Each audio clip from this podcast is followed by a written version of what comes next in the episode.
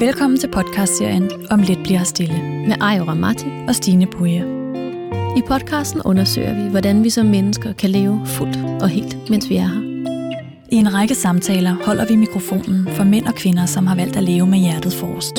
Tag med på en rejse, hvor vi bliver klogere på, hvordan man bryder med rammerne, gør op med normerne og finder sin egen vej i livet.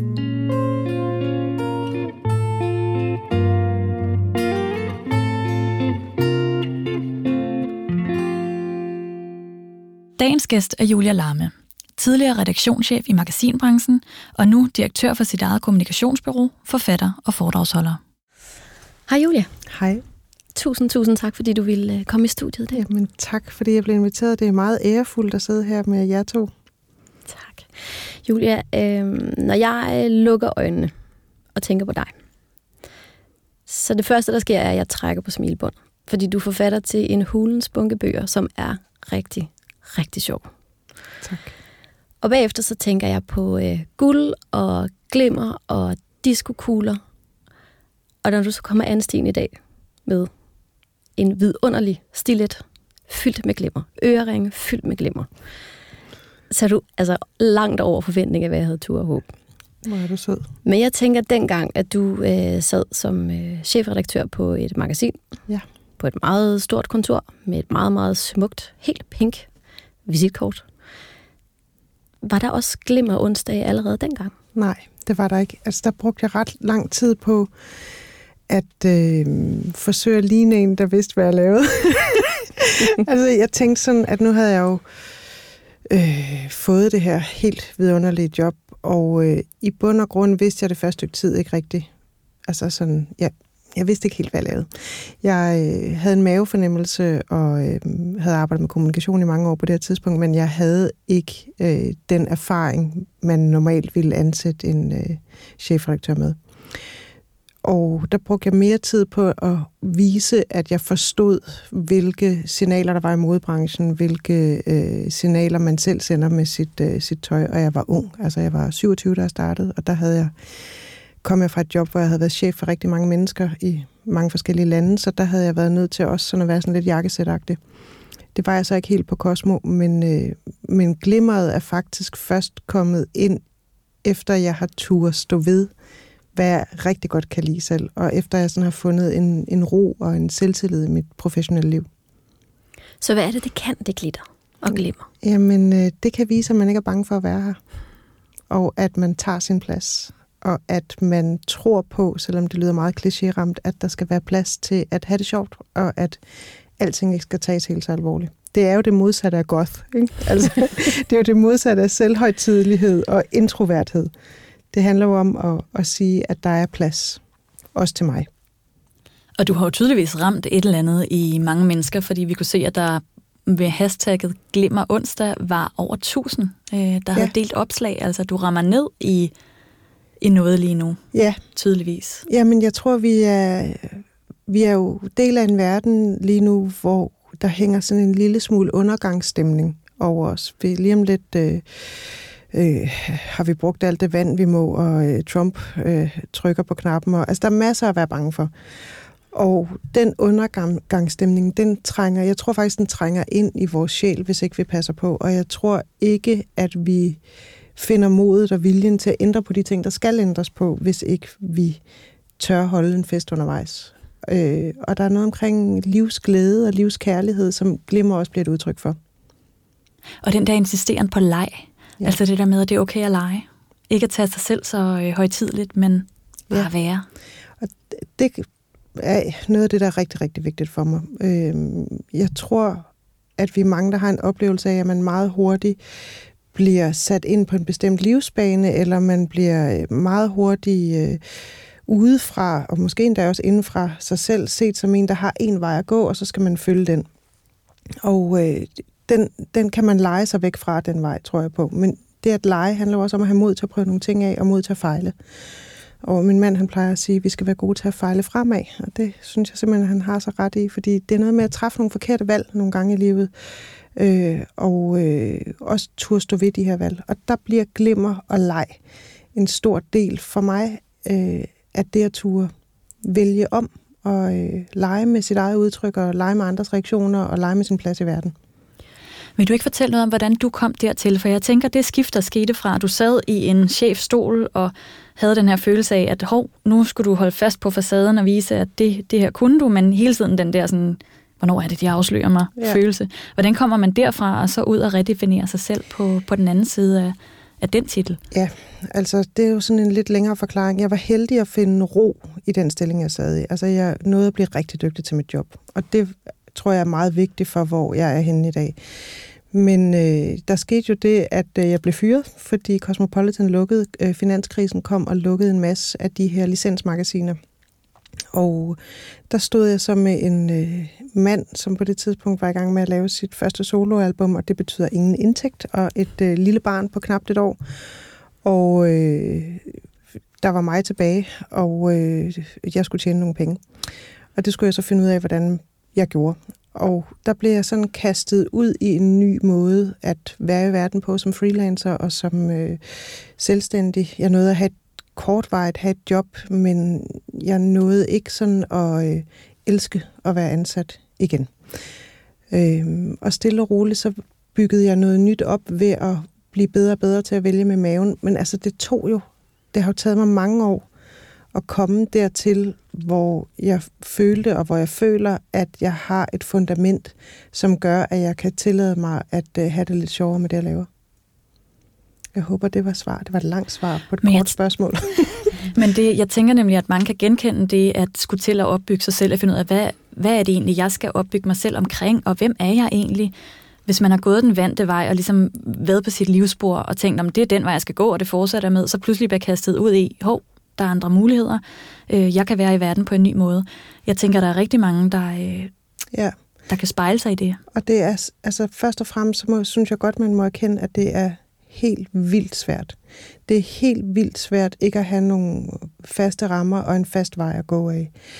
Øh, jeg tror, mit held var, at jeg altså sådan blev løftet ud i det, at der åbnede sig et vindue, og det sprang jeg så ud af øh, med den her fyring. Men jeg har jo så gjort det hele vejen, at jeg har skrevet om det, og skrevet, øh, fældet ned på ord, hvor, hvordan jeg havde det med de skift, jeg stod i. Og det har gjort rigtig meget for mig. Så har det jo kostet søvnløse nætter og øh, øh, virkelig dårlig økonomi, og alle de her ofre, man, man bare må lægge på det alter, der handler om, at verden ikke er sikker. Øh, men jeg tror, eller jeg er meget overbevist om, at grunden til, at det har kunne lade sig gøre for mig, hvis man sådan skal sige noget meget konkret, jamen det er, fordi jeg hele tiden har mærket efter med maven, om det, jeg var i gang med, var det rigtige. Og så skal det også siges, at når det kommer til at finde ud af, hvilken vej man vil gå, så er det nødt til næsten at være ens eneste fokus. Altså man kan ikke skylde i alle mulige banker. Man kan ikke uh, tro, man kan være verdens bedste veninde samtidig med. Man har ikke tid til at drikke kaffe kl. 11 om formiddagen. Der er ikke tid til en frokostaftale. Man kan ikke gå ud fredag aften, fordi man er nødt til at være fokuseret og dygtiggøre sig omkring det projekt, der nu er ens eget. Om det så er, at man skal overveje, øh, hvordan man skal leve sit liv, eller om, hvordan man skal skaffe sig en indkomst, eller om man skal finde ud af en måde at øh, være en bedre mor på, så er man nødt til at vise sig til det projekt, man er i gang med. Og det tror jeg faktisk er rigtig, rigtig vigtigt. Og ikke særligt tidstypisk, tænker jeg. Nej. For jeg synes, at en af de ting, som jeg observerer en tendens til, er det der med, at vi skal kunne det hele. Du skal være verdens bedste mor, og det skal du gøre ved at aflevere dine børn sent. Ja. Øh, du skal hente dem tidligt. Øh, du skal øh, bage glutenfri, veganske, du ved, et eller andet. Og så skal du også samtidig være fantastisk kone, og han skal blive ved med at være forelsket, fordi man også kan performe der. Og mm. altså, du ved, listen er nærmest uendelig, og jeg kan godt blive sådan helt, helt træt ved tanken om alt ja. det, som tiden siger, at vi skal mestre. Og det er jo faktisk det modsatte, du siger. Sige, hey, du kan ikke skylde i alle mulige banker. Du bliver nødt til at fokusere, at, at måske kan vi ikke være verdensmestre til det hele på samme tid. Det tror jeg ikke, vi kan. Og det tror jeg ikke, vi skal. Jeg tror, det er opslidende og decideret livsfarligt at tro, at man skal kunne alt, alting på en gang. Øhm, man har et, jeg, jeg tror, vi alle sammen, og jeg i hvert fald, har et blik på mig selv, øhm, hvor man har nogle forventninger til sig selv. Og det er jo det, man kan gå i terapi for at få justeret. Man kan også nogle gange bare tænke sig lidt om og sige, hvad er det egentlig, der er allervigtigst for mig? Men det, det kræver så, at man tør afsondre sig selv fra andres holdninger til en. Mm.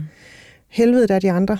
Og øh, man er nødt til at lade være med at give sig selv lov til at svømme i den malstrøm af andres holdninger.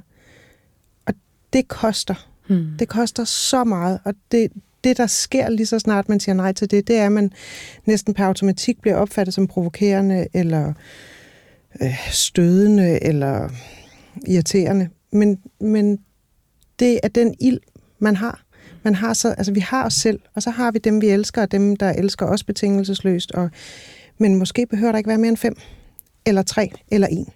Måske behøver man ikke synes, at man skal passe hele sin venindeflok, samtidig med, at man også skal have nogle små mennesker til at blive til store mennesker. Måske skal man ikke redde sit parforhold og sit ægteskab, samtidig med, at man skal leve en, en øh, vegansk livsstil øh, og øh, med basis i nogle nye glutenfri principper. Altså måske skal man koncentrere sig. Og så tror jeg så også, at nu, jeg bliver jo, jeg kan godt høre, hvor gammel jeg lyder lige nu, men der er også det her med, at vi ikke må være bange for arbejde.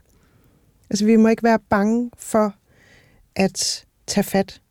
Og hvis jeg skal begynde at regne sammen, hvor mange, der har talt til mig om, at jeg skal passe på min work-life balance i løbet af min karriere, så skal jeg bruge rigtig mange hænder til at tælle dem sammen på. Fordi det er noget af det, jeg har hørt mest.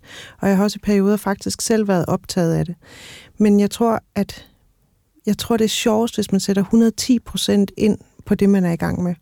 Det betyder jo ikke, at man ikke skal hjem og hente børn, men så må man være der 110 procent, mens man er der. Og man må acceptere, at livet er langt, og at vi ikke kan være alle steder på én gang. Og det oplever jeg øh, er meget, meget provokerende for nogen, når man så netop ikke kan være den bedste veninde, eller ikke kan være nogens yndlingssvigerdatter i den periode, hvor man er i gang med noget andet. Der er det vel også det her med at gøre sin valg til gode valg. Ligesom at sige, nu har jeg valgt at gøre det her, følge min passion, hvad end det måtte være, så er der en masse andre ting, jeg ikke kan være. Det er som om, nogle gange er der en tendens til, at vi gerne vil være det hele på én gang. Ja. Men det her med at have, have i hovedet at gøre sin valg til gode valg, så er det som om fravalgene ikke føles lige så slemme, ja. fordi så er valget jo truffet fra det rigtige sted. Det er fuldstændig rigtigt. Men der, der i, i forlængelse af det, så er der jo også en stor sådan øh, nærmest bevægelse hen mod, at vi kun fortæller om det, der bliver en succes. Altså, vi fortæller jo ikke om alle de vildveje eller fejl, øh, vi er gået af. Vi fortæller om de ting, der er blevet succeser. Og det synes jeg jo også er ganske farligt, at man bliver ved med at gøre. Altså, da jeg skrev en bog om øh, at blive fyret, øh, Sandheder fra en løgner hedder den, der var, øh, altså folk var ved at falde ned af stolen, fordi jeg beskriver jo, hvor slemt det faktisk var for mig at miste den del af mit liv, og hvad jeg gjorde for at komme videre, hvad jeg kendte undervejs. Men det var jo ikke en succeshistorie, og den ender ikke nødvendigvis godt. Øh, men livet, igen, livet er langt, og der skal være plads til, at vi deler med hinanden øh, de steder, hvor vi ikke går de rigtige stier. Ja, for jeg tænker, det er jo spørgsmålet er, om vi ikke går de rigtige stier. Fordi de er jo alle sammen medvirkende til, at vi kommer på sigt ja. det rigtige sted hen. Det er også rigtigt. Altså i USA har man det jo sådan i banker, eller i hvert fald havde på et tidspunkt, at øh, vi låner dig helst penge, hvis du er gået konkurs i et firma en enkelt gang, for så er du da i hvert fald blevet lidt klogere. Ja. Og det må man sige er jo sådan stik imod, hvad vi her i Danmark, altså der går vi med livrem og seler, ja. og som du selv siger, jamen, vi er ikke så glade for at dele. På, på nogen måde i hvert fald ikke så glade for at dele bagsiden Nej. af medaljen. Og der kan man sige, der har du jo virkelig været talerør for det modsatte. Fordi du så fuldstændig hudløst ærligt deler både om det at blive fyret, det at være nogens øh, kone der, hvor din mand lige pludselig får vildt meget succes, som falder sammen med, at du faktisk bliver fyret. ja. øh, om øh, tabet af den krop, man havde, inden man fik børn. Og du skriver, øh, hov, hvor lagde jeg babyen, som også er den mest altså, hudløs ærlige beretning om det, som kvinder ellers er rigtig dygtige til at glorificere, og meget gerne vil i hvert fald deres moderskab. Ikke? Jo. Men det har jo heller ikke været... Altså, jeg elsker de bøger, og jeg er så glad for, at jeg har skrevet dem. Øh, men igen, det har jo ikke været gratis. Det har kostet øh, venskaber og øh, muligheder, og øh, det har kostet noget hver eneste gang, jeg har skrevet en bog. Altså uden undtagelse har det kostet noget. Og det er jo er jo ved at gå op for mig, at det er jo fordi, man bider noget af sig selv og lægger i den bog, eller i det værk, eller hvad man nu bruger sit liv på. at det må forsvinde. Så man kan ikke, vi kan ikke sætte aftryk i verden, uden at det koster noget. Og vi kan ikke sejle igennem livet, uden at få ar og skrammer. Øhm, og det er jo noget af det, jeg for eksempel er mest bekymret for i forhold til mine børn. Altså, hvordan får jeg lært dem? hvordan, altså, hvordan passer jeg på dem og giver dem lov til at slå sig samtidig? Ikke? Det, det, skal jo, det er jo også noget, vi skal lære. Det er jo sådan en robusthed, som vi skal lære at have med. Og øh, en, vi skal jo lære at takle modgang. Og, og hvordan gør vi det? Det er en god pointe, for jeg tror, der kan være en, en opfattelse af, at det her med, når vi finder mod til at stå i vores lys eller gå vores vej, så vil alting flaske sig. Men det er meget sjældent, der er fokus på de tab, det indebærer, eller ja. de konsekvenser, der er. Øh, og det synes jeg egentlig er vigtigt at få frem. Det her med, at... Øh, Men det må I to da også kende. Altså, I har truffet nogle meget tydelige og synlige valg, begge to i jeres liv. Det kan jo ikke have været gratis. Nej, bestemt Nej, ikke. altså jeg... Øh, jeg skriver bøger og, og elsker at gøre det, men må jo også sige, at der er et kæmpe socialt tab i de perioder, hvor jeg mor mig inde bag en skærm. Ja. Jeg har valgt at tage væk og skrive i andre lande, så der har været en naturlig boble, men jeg har kunnet mærke de gange, jeg har skrevet her, øh, skrevet bøger herhjemme, der er mange ting, jeg har været nødt til at sige nej til. Og det er jo noget, ingen ser på den anden side, når bogen er kommet ud, hvor, mange, hvor ufattelig mange timer det kræver bag en skærm med ømme albuer og ømme skuldre og ja. nej tak til den ene aftale efter den anden. Øh, der er mange ensomme aftener i tog rundt omkring på vej til et foredrag, ja. og der er fattige Esbjerg perioder. station kl. 22. Og jeg har også stået på Esbjerg og ventet på det sidste tog ja. flere gange.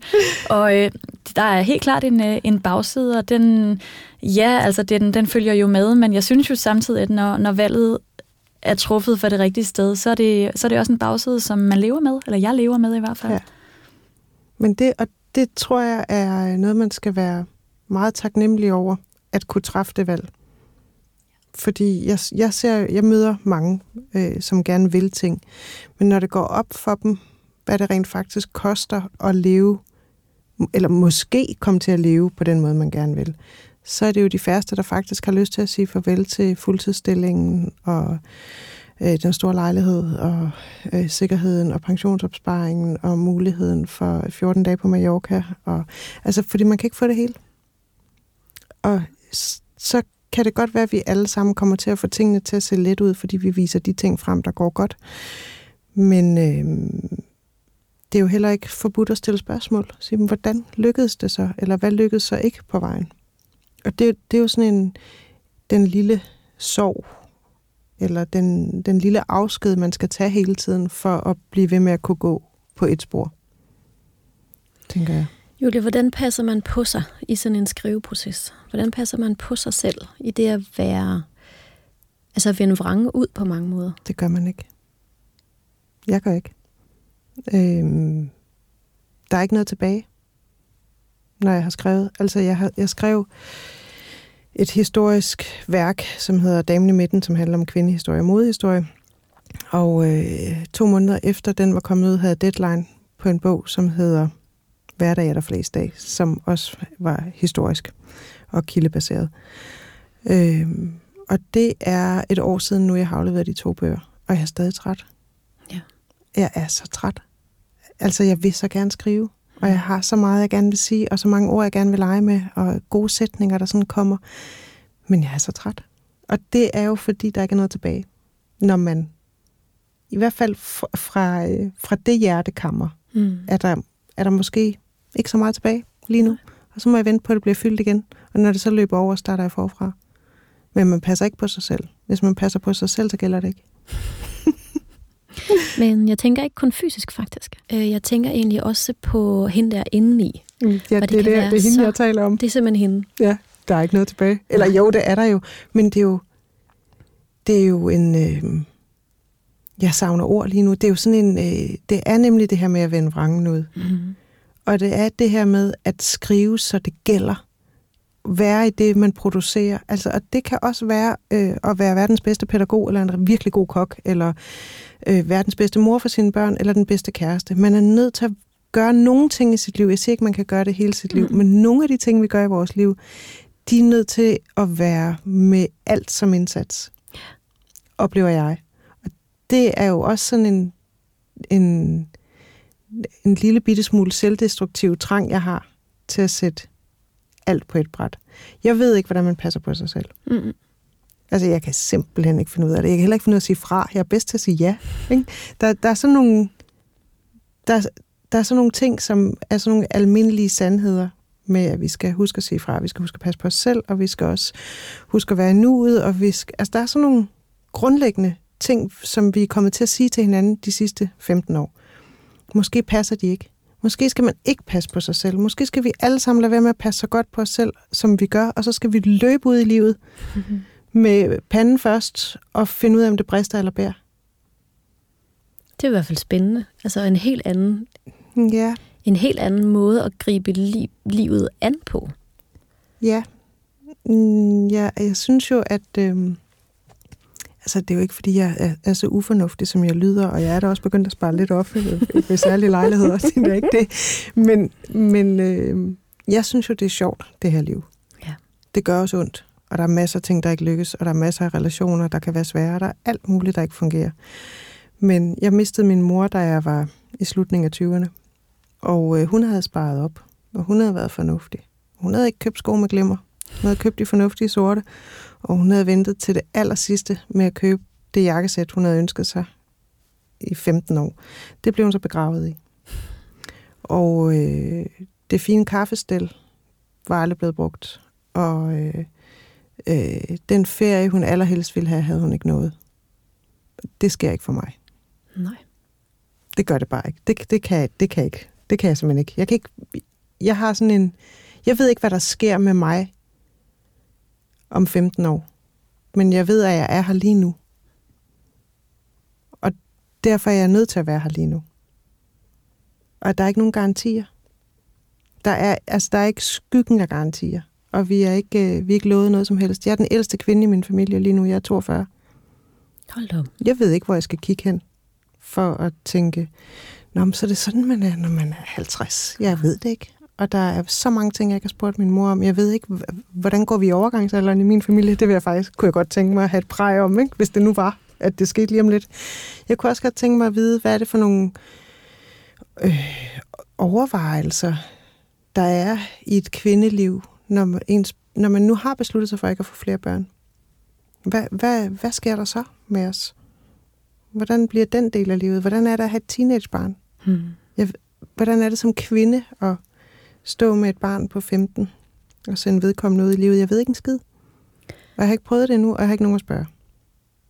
Nej, og det er jo også måske øh, lidt en samfundstendens. Det der med, at de der kvinder omkring de 50, mellem 50 og 70, der forsvinder man lidt Ja, fra i hvert fald øh, den synlige overflade. ja.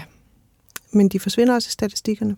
De er meget, meget svære at få øje på. Øh, Jeg har lige s- siddet og kigget lidt på det for ganske nylig, og øh, det sted, man bedst får øje på kvinderne, det er i teaterbilletterne. Øh, de statistikker, der er for museumsbesøg og teaterbilletter. Altså kvinder fra øh, 45 til 65. Og der er jo nogle faste, faste billeder, vi har af kvinder. Ja, du ved slet ikke, hvad du skal sige nu, men det er ikke engang løgn. Man kan, vi køber teaterbilletter, andet laver vi tydeligvis ikke. Men når vi er, altså, hvis man sådan træder tilbage i kulturhistorien, så er der tre aldre, en kvinde kan have. Hun kan være jomfru, hun kan være mor, og hun kan være olding. Og hvis du kigger på de tre norner, der sidder under Yggdrasil og spinder, så er det jomfruen, moderen og the crone, eller kællingen, eller oldingen. Mm.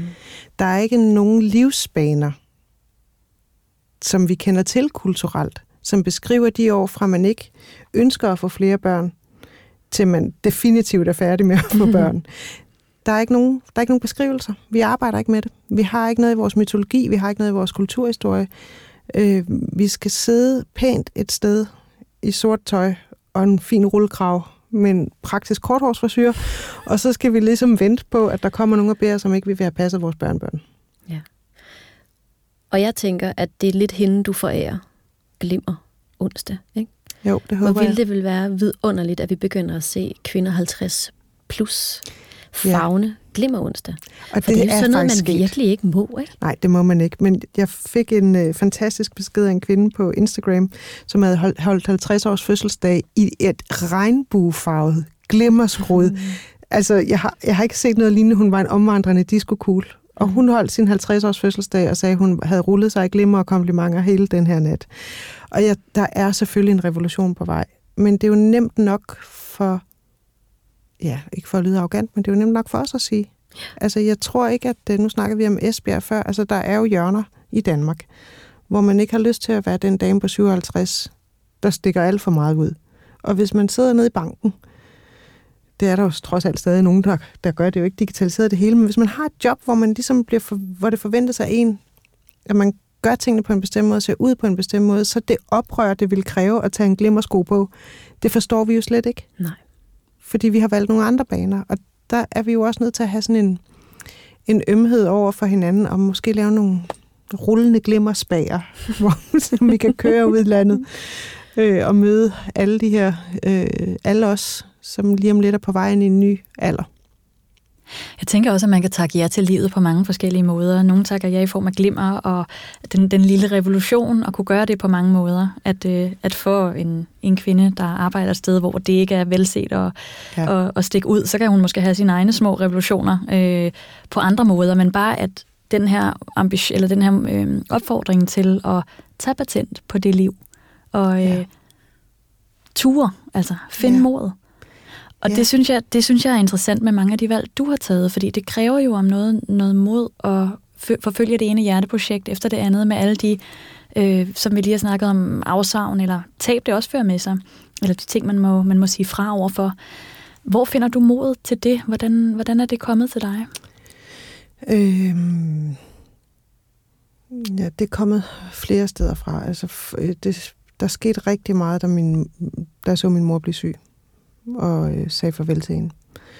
Og så har jeg giftet mig med den rigtige. Hmm.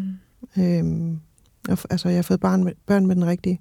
Og det er jo også nemt at sige, men øh, det, man kan ikke stå alene med det hele.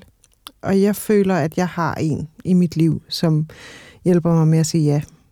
Øhm, og som ikke føler, at det handler om ham, når jeg siger ja til noget der ikke handler om ham. Men I, I ved godt, hvad jeg mener. Mm. Der kan være sådan en, nogen, der sidder i et hjørne og bliver sure. Det gør han ikke. Øhm, så der har jeg noget imod. Og så har jeg jo været så heldig øh, at arbejde sammen som selvstændig med mennesker, jeg virkelig holder af i rigtig mange år. Og det betyder, at jeg altid har et sted i mit liv, hvor jeg lander blødt. Øh, jeg har ikke truffet nødvendigvis de klogeste, mest karriereorienterede valg, heller ikke når det kommer til mit arbejdsliv.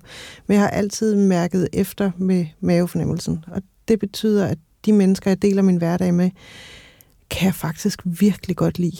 Og øh, jeg arbejder sammen med min mand og min søster og gode venner og dygtige kollegaer. Og så så jeg, jeg, jeg føler, at jeg får noget mod, fordi jeg har skabt mig et liv, som jeg nu er gammel nok til at tage æren for, synes jeg, hvor jeg kan få lov til at være mig selv i alle hjørner.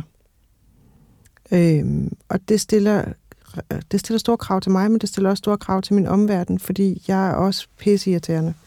Og det mærker jeg jo især, når min kollega siger til mig, øh, du må ikke sige følgende sætning. Ja, det kan vi sagtens. Det er en sætning, der nu er forbudt på kontoret, fordi folk skal lige have lov til at tænke sig om, og jeg skal også tænke os om, og finde ud af, om vi virkelig har ressourcer til at løfte den opgave, jeg øh, løber rundt og råber jer til. Øh, så, så der er selvfølgelig... Jeg, jeg er meget privilegeret. Jeg har, jeg har øh, jeg føler sig med nogle mennesker, der giver mig lov til at være modig. Og så jeg, har jeg ikke været forfængelig. Det skal så også lige siges. Altså, jeg, jeg har på et eller andet tidspunkt slukket for det eksterne blik på mig selv. Og det betyder, at jeg må godt dumme mig, og jeg må godt se fjollet ud, og jeg må godt tale om pinlige ting, og jeg må godt være ærlig øh, og have haft en dårlig dag. Og der, det har jeg givet mig selv lov til. Og der ligger rigtig meget mod i det. Den tredje ting er så, at jeg jo altid har fortalt, altså på skrift, hvem jeg er. Så hvis man er interesseret i mig, så behøver jeg ikke komme bag på nogen. Og alle mine værste sider, og alle mine største hemmeligheder, og alle de ting, jeg burde være flov over, det, dem kan man bare læse op på, og så kan man selv tage stilling til dem. Så, så det gør også, at jeg er ubange i rigtig mange ting.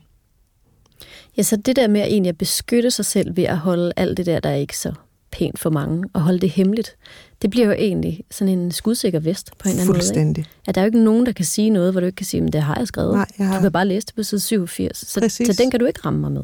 Præcis. Og det er ekstremt frisættende. Altså ærlighed er jo jamen jeg ved næsten ikke, hvad jeg skal sige, det er jo øh, det, det, er jo det der kan gøre os alle sammen helt frie. Og det er jo også derfor, at jeg nogle gange tænker, at vi kvinder skal passe, især vi kvinder, vi skal passe på med de masker, vi gemmer os bag. Fordi vi tager noget fra os selv og giver magten til nogle andre. Og vi skal give os selv lov til at blive gamle, og give os selv lov til at være grimme og usekset og øh, grå. Selvfølgelig rullet glimmer, men vi skal give os selv lov til at træde ind i de faser, livet har at give os hvis man kigger på hele den her økologiske bølge og spirituelle bølge, der er i gang, hvad nytter det at være mega økologisk, hvis alting er fuld af plastik? Og hvad nytter det at være mega spirituel, hvis ikke du kan unde dig selv en plads i verden, som den du er? En af de ting, som jeg tit bider mærke i, når jeg støder på dig, er, hvor god du er til at spille andre kvinder bedre. Eller hvor spille andre, kan man sige, andre kvinder gode. Altså du er enormt god til at få andre til at stå i deres lys. Nej, hvor er det sødt sagt. Nå, men det, det synes jeg, og det er jo sådan enormt, øh, det synes jeg, det, det er noget af det, der kendetegner dig. Og det er ikke noget, der kendetegner så mange. Det der med at være kvinde, kvinde bedst. Jeg bliver helt øh, målløs. Ja, tak. Af hjertet tak. Øhm, der, der er jo nok, der gerne vil spænde ben for os. Og især for dygtige kvinder. Og øh, det var der også før MeToo der er bestemt ikke blevet færre. Og jeg tror, altså, helt ind i knoglerne på søstersolidaritet. Og så tror jeg ikke på, at der er få fisk i den sø, vi fisker i. Øhm, jeg tror, vi skal give en anden hesteskole så tit vi kan, og vi må simpelthen aldrig være nære i øh, med noget. Og det, det er jo mit livsmotto, at man skal være gavmild med alt og det er med alt. Det er kram og omsorg og penge og husly og kærlighed og hjælpsomhed. Og folk må gerne tage røven på en. Det er helt okay. Det kommer de til indimellem. Måske gør de det ikke med vilje. Mm. Øh, folk må gerne skylde en noget. Man behøver aldrig kræve det ind igen. Folk må gerne være dårlige til at sige tak. Det handler ikke om en selv. Altså, vi skal ligesom give mere. Hele tiden give mere, end vi får. Altid. Og det er bare en underlig måde at være i verden på det er sjovt. Det er faktisk sjovt, fordi man, der bliver ikke mindre af noget. Altså, der bliver aldrig mindre af det, man deler, og der er altid plads til en til ved bordet. Hmm. Det er sjovt, Julia, når jeg hører dig tale, så, øhm, så afspejler du faktisk meget det, som mange af de døende, jeg arbejder med i, i mit øvrige arbejde, mange af de indsigter, de får på kanten af livet, det er mange af de indsigter, du sætter ord på. Øhm, det her med at have det sjovt og danne, men, danne, være gavmild, danne meningsfulde relationer og øh, springe ud i livet. Tur sige ja til flere ting. Gå ned og spise en piknik på græsset, i stedet for at tage øh, aftensmaden i øh, køkkenet som sædvanligt. Det kan være på mange niveauer. Gå øh, rundt med glimmer og glitter og være dig. Øhm, og jeg tænker, de indsigter, som du har øhm, allerede nu, hvor kommer de fra? Hvad, hvad hvad har du gjort for at arbejde med dig selv og den måde, du er i verden på? Altså, øh, ud over 90.000 i øh, udgifter til terapeuter gennem tiden, eller hvis det kan gøre det. det ja, øh, virkelig mange cigaretter røget over køkkenbord i hele min opvækst. Nej, det har selvfølgelig også været noget øh, af det. Øhm, jamen, jeg tror, at øh, jeg har faktisk arbejdet med mig selv. Jeg har øh, brugt terapeuter. Jeg har øh, aldrig været bange for at bede om hjælp. Øh, og jamen, så altså, sørger jeg for at lære noget, hver gang jeg er sammen med folk. Øh, så praktiserer jeg taknemmelighed i stor stil. Sådan som nogen siger, at jeg skal stoppe indimellem. Men jeg er grundlæggende taknemmelig. Og det skærper mit blik på, hvordan jeg gerne selv vil være i verden. Øh, altså der er jo den her helt klassiske øvelse med at sige, bare indad til sige tak for tre ting, der er sket i løbet af en dag, og det kan være, at der var agurk til leverpostejen. Det kan også være, at ens barn ikke skreg i netto. Det kan være, at man lykkedes med kun at drikke 16 kopper kaffe og ikke 25. Der er mange ting, man kan sige tak for. Øhm, og det bruger jeg meget energi på. Og så tror jeg ikke, jeg tager noget for givet. Og hvis man ikke gør det, altså hvis man ikke føler, at man har ret til noget som udgangspunkt, men ser, hvad der kommer til en som en gave, øh, så, har man et, så har man en anden et, en anden måde at være i verden på. Altså, jeg blev så glad, da du skrev til mig, Stine, øh, og fortalte om podcasten og inviterede mig med. Fordi at jeg jo selv lytter til podcasten, og jeg synes, det er så fedt og inspirerende, det I to laver. Men det bliver jeg også taknemmelig over. Altså det her med at sådan være, jamen selvfølgelig, og ja, og det, det giver mig noget hver eneste dag. Så jeg, jeg, jeg tror, det er en, en for at svare ordentligt på dit, dit spørgsmål, det er et ongoing projekt, og jeg bliver ikke færdig. Og jeg ser ikke mig selv som landet et sted. Eller nu er jeg bare super fed og klar til at, at stå stille resten af mit liv. Det er jeg ikke. Der kommer nye udfordringer hele tiden. Der er hele tiden nye ting, verden kaster efter en, som man skal lære at finde sig selv i at takle, mens man har begge ben på jorden. Øh, og der er masser af hverdag, der er masser af onsdag, der er masser af, af regnværsdag i november. Øh, ting, som jeg aldrig bliver god til at takle. Og, og der må man bare øve sig i at blive bedre og bedre til at være i det.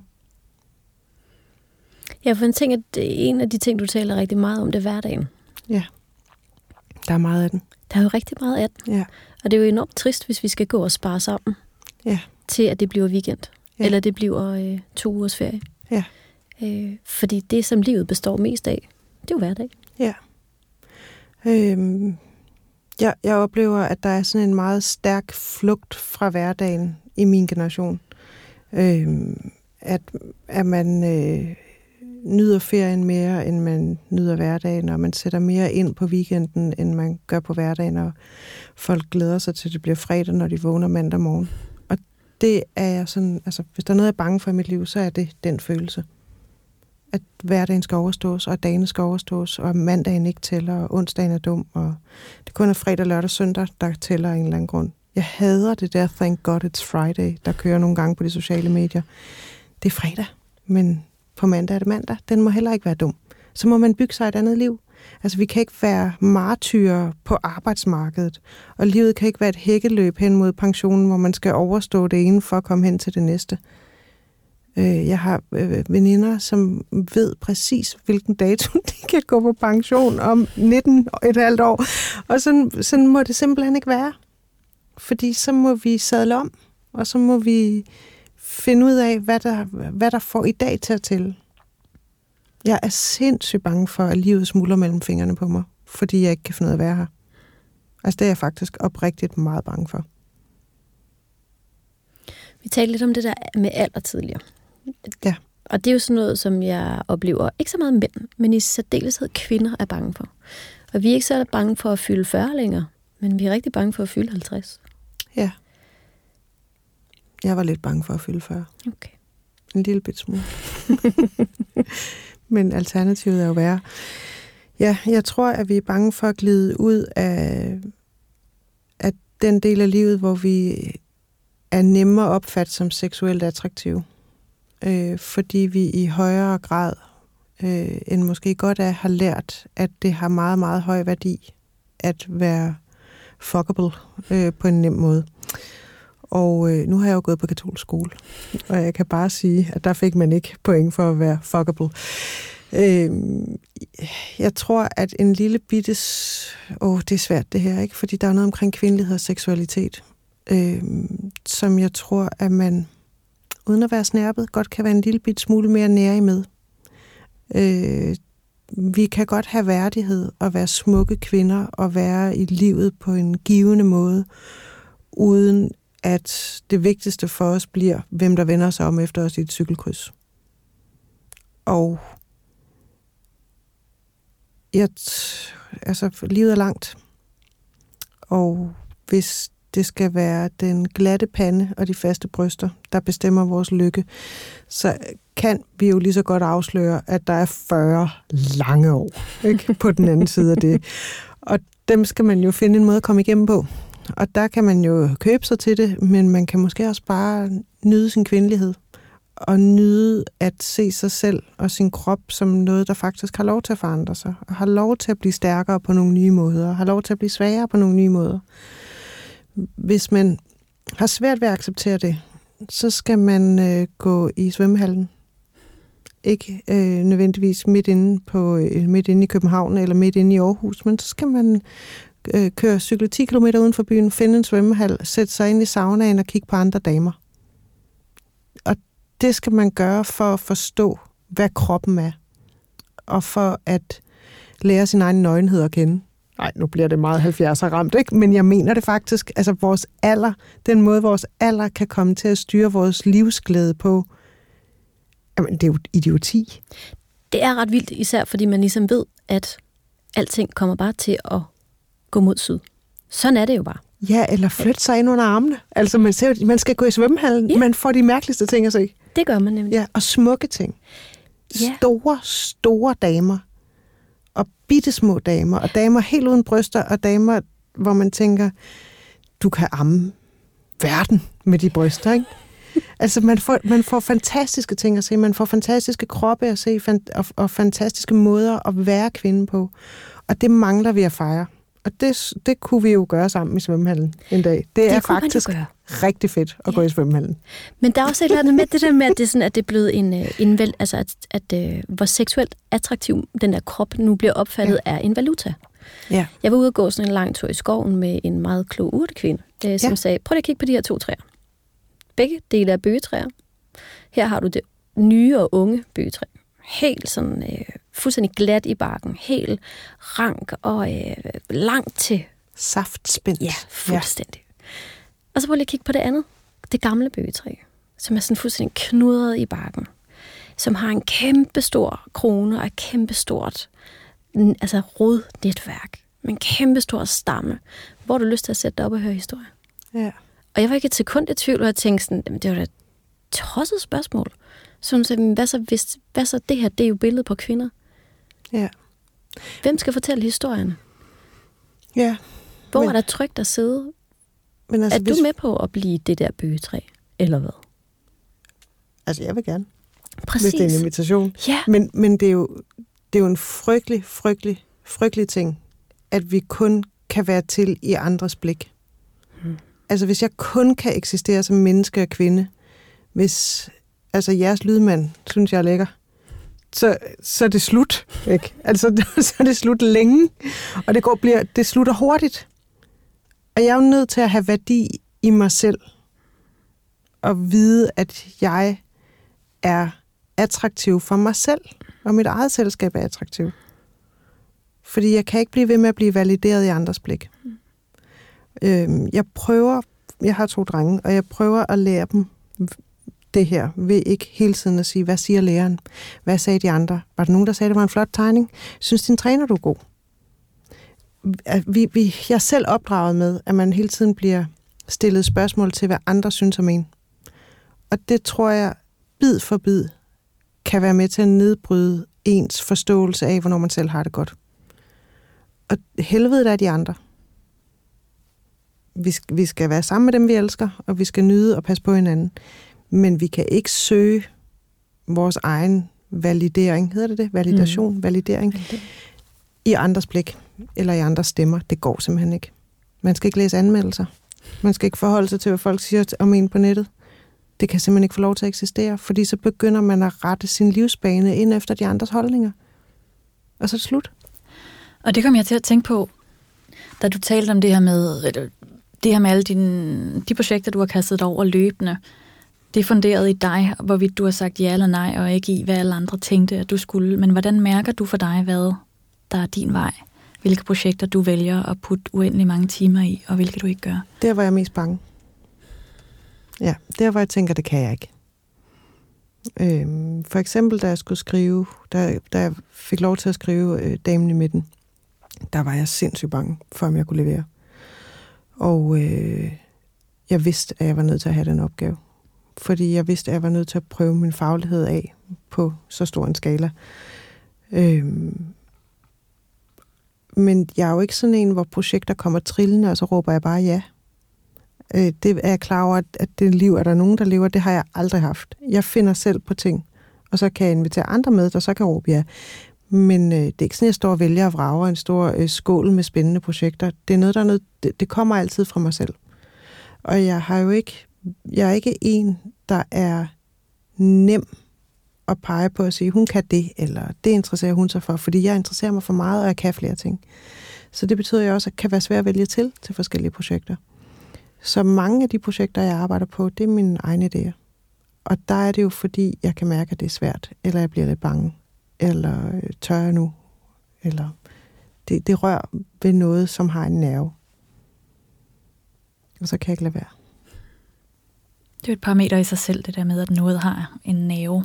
Ja. Det er jo derfor, du rører og inspirerer så mange mennesker, tænker jeg, fordi den nerve bliver formidlet så smukt og så modigt. Det er altså meget rørende at sidde her. Det er tak. Øhm, jamen, jeg, jeg forsøger at være til stede i det, jeg gør.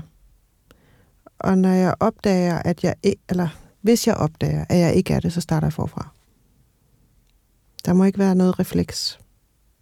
Øhm, og det er jo lidt, lidt ligesom, at man, når man skal lave mad derhjemme, og man tænker, at øh, øh jeg ved, hvordan jeg laver kødsovs, og jeg har 20 minutter til at lave mad. Jamen, du ved også, hvordan du pynter en æggemad virkelig flot med karse og tomater. Måske det er det, der er aftensmaden, fordi den er flottere end kødsovsen. At, at man sådan sætter sig selv fri ind imellem og måske skuffer nogle forventninger. Øh, ens fireårige vil altid helst have kødsovs, men måske bliver man selv glad for den her virkelig flot pyntede ikke med. Altså, det er jo ikke værre end det, eller det er jo ikke større valg end det. Men, men nogle gange er man nødt til at overraske sig selv ved ikke at falde ind i det, man altid gør.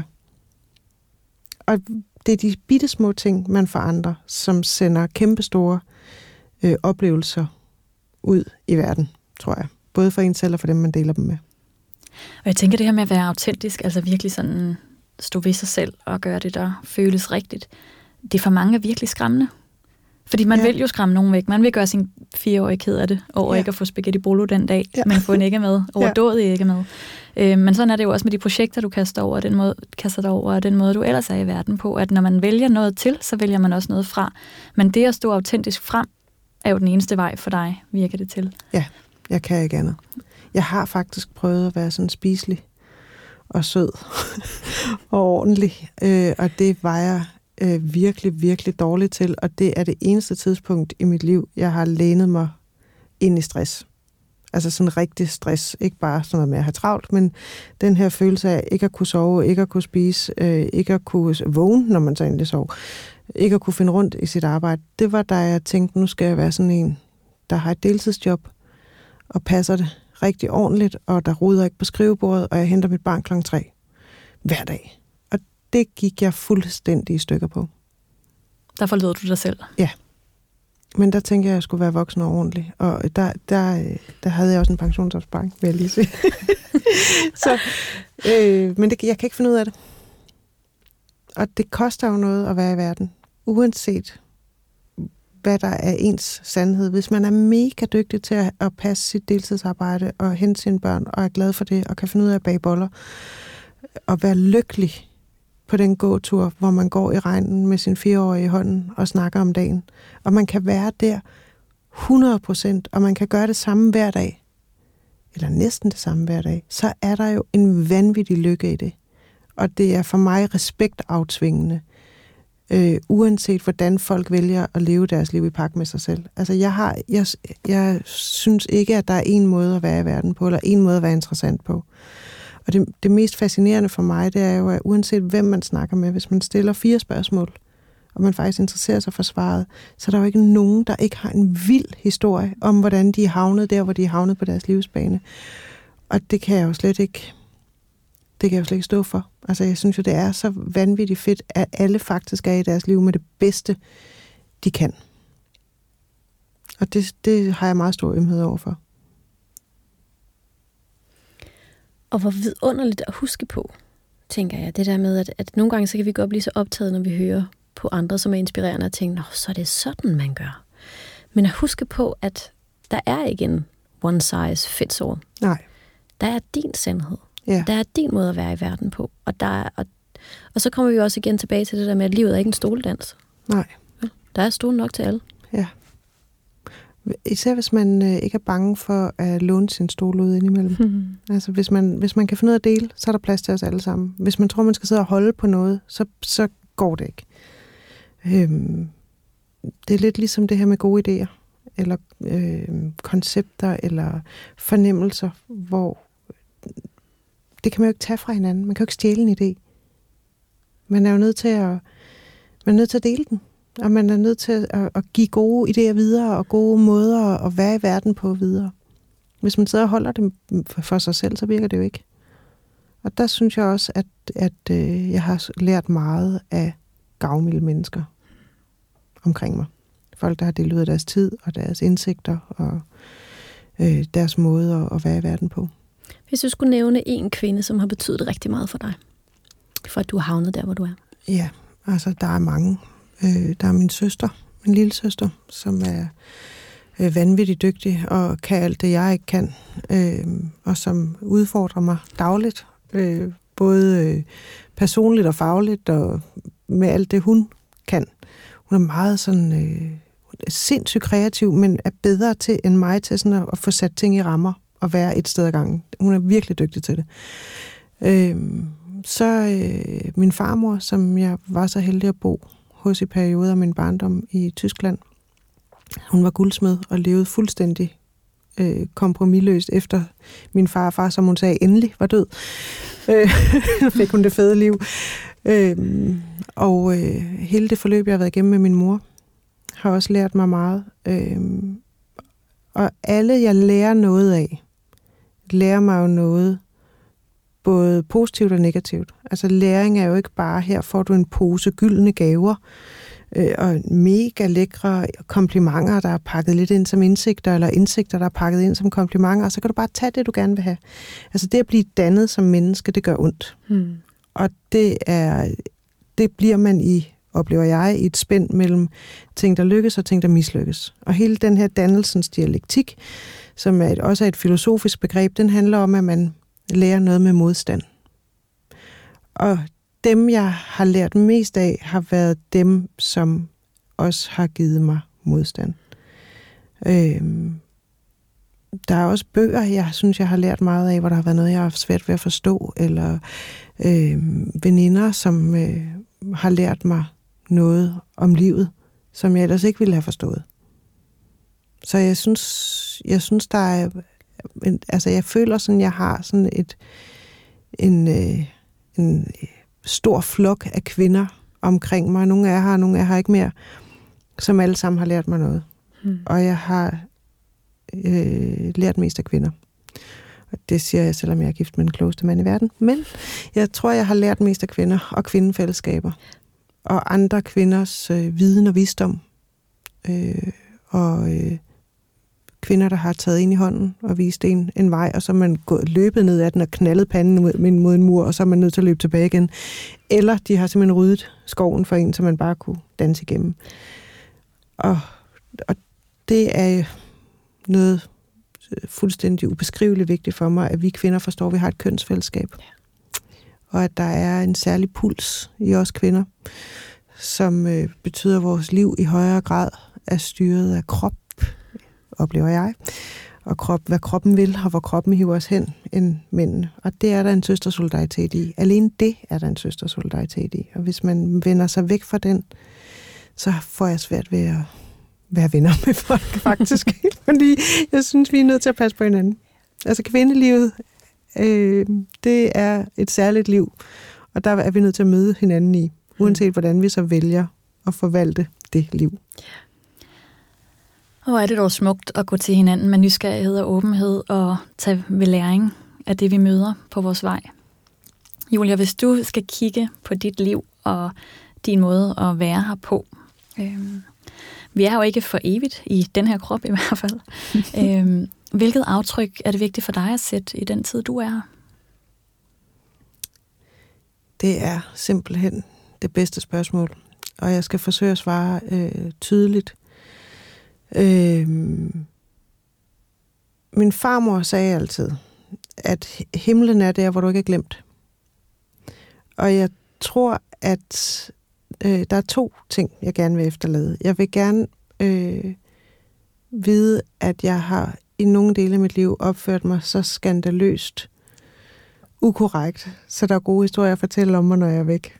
Sådan så, at når de sidder om 100 år keder sig, så kan de huske, at der var en græn græn et eller andet, som engang opførte sig helt forfærdeligt. Det må gerne være mig. og så vil jeg gerne øh, vide, at alle dem, jeg elsker, når jeg skal herfra, at de ikke et sekund af deres liv har været i tvivl om, at jeg elskede dem.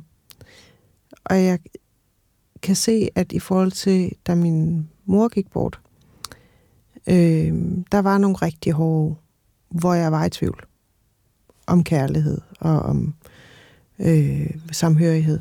Og uanset hvad der sker i mit liv, så håber jeg, at mine børn, min mand og min familie og mine venner aldrig nogensinde har været i tvivl. Ikke en dag eller en time har været i tvivl om, hvor højt jeg elskede dem. Og jeg gør alt, hvad jeg kan for at sige det.